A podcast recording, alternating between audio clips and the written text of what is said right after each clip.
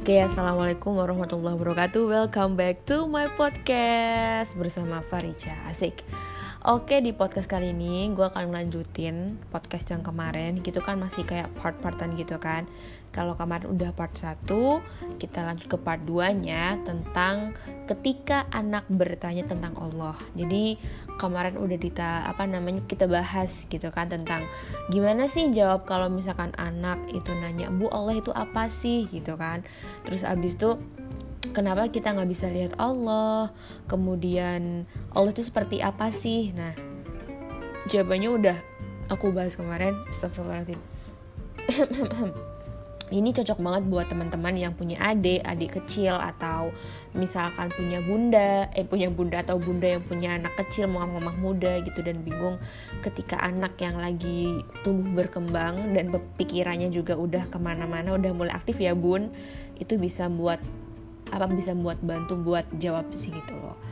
Gitu teman-temanku. Oke kita lanjut ya yang keempat misalkan nih ya ada yang nanya atau keponakan kita sepupu kita adik kita atau anak kita nanti gitu kan nanya bu Allah itu ada di mana? gitu. Jangan jawab gini jangan jawab nah Allah itu ada di atas. Sering kan kalian dengar Allah itu ada di atas, di langit, atau di surga, atau di arsh kayak gitu. Nah jawaban ini itu seperti menyesatkan logika anak karena di luar angkasa itu tidak ada arah mata angin. Atas bawah, kiri, kanan, depan, belakang. Lalu jika Allah ada di langit, apakah di bumi Allah itu tidak ada? Jika dikatakan di surga, berarti lebih besar surga daripada Allah. Berarti prinsip Allahu Akbar itu bohong. Ya kan? Nah, Kemudian uh, ada ayat yang bilang kalau misalkan semastawa ala arsh dia bersemayam di atas arsh. Ayat ini adalah ayat mutasyabihat guys. Jadi itu what's meaning of ayat mutasyabihat itu tuh ayat yang wajib dibelokkan tafsirnya. Kalau dalam pelajaran bahasa Indonesia itu kita mengenal makna denotatif dan konotatif. Nah, ayat mutasyabihat ini mutasyabihat ini tergolong makna yang konotatif. Juga jangan jawab gini guys, nah Allah itu ada di mana-mana gitu. Sering gak sih? Sering kan kalian jawabin kayak Allah di mana sih? Allah di mana? Lu gak ngerti di mana? Eh ngomong sama anak boleh gue ya. Kalau misalkan Allah ada di mana sih? Allah tuh ada di mana-mana gitu. Jangan jangan, soalnya kalau jawab kayak gitu nanti dikhawatirin dikhawatirkan tuh nanti anak akan otomatis berpikiran bahwa Allah itu banyak dan terbagi-bagi seperti pada uh, terjadi sama Freemason atau politeis Yunani kuno gitu. Nah, apa sih jawabannya yang cocok gitu kan? Jawab jawabnya tuh gini aja. Nah, Allah itu dekat dengan kita. Allah itu selalu ada di hati setiap orang yang soleh, termasuk di hati kamu, sayang. Jadi, Allah selalu ada bersamamu di mana pun kamu berada. Nah, jadi saat ini jangan gak usah sebut-sebut lagi Allah di atas, Allah di mana-mana ya guys. Ya kan? Qalbun mukmin baitullah, hati seorang mukmin itu istananya Allah. Dan apabila hamba hambaku bertanya kepadamu tentang aku, maka jawablah bahwasanya aku ada dekat. Ya, ini di surah Al-Baqarah ayat 186 udah dijelasin sama Allah. Kemudian dijelasin lagi, wahwa ma'akum aina kuntum dan dia bersama kamu di mana saja kamu berada. Ya, di surat Al-Hadid ayat 4. Kemudian dijelaskan lagi nih di Quran apa namanya? bahwasanya dan kepunyaan Allah lah uh, apa namanya timur dan barat. Maka ke mana pun kamu menghadap di situlah wajah Allah. Ini di Al-Baqarah ayat 115 kalian bisa cek sendiri.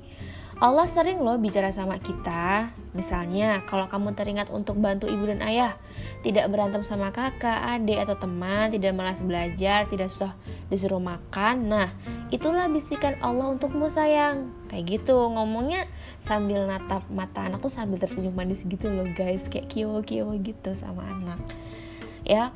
Wallahu yahdi man yasha'u ila suratin mustaqim. Dan Allah selalu memberi petunjuk orang yang dikehendakinya kepada jalan yang lurus. Itu ya kalau misalkan mau jawab ditanya sama anak kalau misalkan Allah itu ada di mana jangan jawab lagi Allah di mana-mana Allah di atas jangan ya. Gitu. Kemudian kalau misalkan anak nih nanya lagi nih bu kenapa kita harus nyembah Allah? Gitu kan. Jangan jawab gini guys karena kalau kamu tidak menyembah Allah kamu akan dimasukkan ke neraka. Sering kan kalian dengar kayak gitu kalau eh kalau misalkan nanti kamu nggak nyembah Allah Allah marah. Oh, nanti kamu masukin neraka. No anak kecil belum belum udah dimasukin neraka cuy. Mestinya kayak udah ditakut-takutin kan kayak Islam tuh kok jahat banget ya? Mesti belum belum udah kayak neraka aja gitu loh. Mestinya seolah-olah tuh kayak nggak ada dispensasi gitu loh guys terus ada yang bilang juga kalau kamu menyembah Allah kamu akan dimasukkan kalau kamu menyembah Allah kamu akan dimasukkan surga. Jadi cuma surga neraka. Ya emang iya sih cuman kan ada pilihan lain. Misalnya Allah maafin kita ada kata taubat juga gitu kan. Soalnya jawaban kayak gini akan membentuk paradigma atau pola pikir pamrih dalam beribadah kepada Allah. Bahkan bisa menjadi benih syirik halus. Ya iya kan? Maksudnya jadi hitung-hitungan gitu loh sama Allah. Kayak nanti ibadah ah biar masuk surga nanti ini kan biar Allah nggak marah biar nanti nggak masuk neraka. Itu itu kan gitu loh. Padahal Allah itu menciptakan kita sebenarnya adalah uh, alasannya itu um, kita itu untuk ibadah gitu loh. Nah, hal ini juga yang menyebabkan banyak orang menjadi ateis. Karena menurut akal mereka masa sama Allah kayak dagang gitu kan? Yang namanya Allah itu kan berarti butuh penyembahan. Allah kayak anak kecil aja. Kalau nggak diturutin maunya kalau nggak diturutin maunya surga kalau nggak eh, gini kalau diturutin maunya surga kalau nggak diturutin tuh neraka gitu loh jadi tuh kayak pemikirannya jadi melenceng gitu loh guys nah Orang yang menyembah surga, ia mendambakan kenikmatannya, bukan mengharap penciptanya. Orang yang menyembah neraka, ia takut kepada neraka, bukan takut kepada penciptanya. Itu kata Syekh Abdul Qadir Jailani. Jadi jangan kalau misalkan anak nanya kayak gitu kenapa harus kita nyembah Allah jangan jawaban kayak gitu guys. Tapi bisa nih jawab kayak gini, jawabannya gini. Nah, adik, kakak gitu kan kita menyembah Allah sebagai wujud bersyukur karena Allah telah memberikan banyak kebaikan dan kemudahan buat kita. Contohnya, adik sekarang bisa bernapas kan, menghidup udara bebas, gratis lagi. Kalau mesti bayar, kan ayah sama ibu nggak bisa bayar kayak gitu jadi dikasih kenikmatan. Dia disuruh mikir juga gitu loh. Dikasih kenikmatan udah ngehirup udara seger gratis lagi. Kalau misalkan nanti bayar mama sama papa nanti nggak akan bisa bayar gitu. Di sungai banyak ikan yang bisa kita pancing untuk makan atau untuk dijadikan ikan hias di akuarium. Semua itu untuk kesenangan kita. Kalau adik nyembah Allah ada yang rugi bukan Allah gitu. Misalnya kalau ada yang nurut sama ayah ibu guru di sekolah ya kan? Atau ada yang nurut sama bapak ibu guru di sekolah ada sendiri yang rugi. Nilai adik jadi jelek isi rapot jadi kebakaran semuanya. Merah gitu loh guys. Ibu bapak guru juga tetap aja guru gitu. Biarpun kamu dan teman-teman gak nurut sama ibu bapak guru gitu. Jadi lu rugi guys. Kalau misalkan lu kagak milih yang Allah udah kasih kenikmatan lu gak bersyukur rugi gitu loh. Gitu tapi ngucapinnya dengan menatap mata anak sambil tersenyum manis. Kalian para para bunda ibu-ibu muda atau tua udah udah bisa lah ya sis buat ngomong sama anak gimana gitu Kemudian sungguhnya Allah itu benar-benar maha kaya. Innallaha lagoniyun adil alamin. Allah itu benar-benar kaya, nggak memerlukan sesuatu dari semesta alam. Ya, katakan juga nih sama anak, adek, mulai sekarang harus belajar cinta sama Allah. Lebih daripada cinta sama ayah dan ibu ya. Araci, arasa, gak ada yang canda-canda. Jadi gitu deh guys. Jadi mestinya um, natap sambil natap mata anak dengan penuh ketulusan gitu lah. Biar kayak ikatan batinnya apa sih connect gitu. Cila gue kayak udah nikah aja coy. Ya ilmu ya. Jadi bisa dibagi-bagi gitu. Gitu. Terus uh, habis itu kalau ada nanya nih kenapa ibu? Kenapa mama? Gitu. Karena suatu hari ayah sama ibu bisa meninggal dunia, sedangkan Allah tidak pernah mati. Nah, kalau suatu hari ayah atau ibu meninggal, kamu tidak boleh merasa kesepian karena Allah selalu ada untuk kamu. Nanti Allah juga akan mendatangkan orang-orang baik yang sayang sama adik seperti sayangnya ayah sama ibu. Misalnya ada paman, bibi, atau para tetangga yang baik hati juga.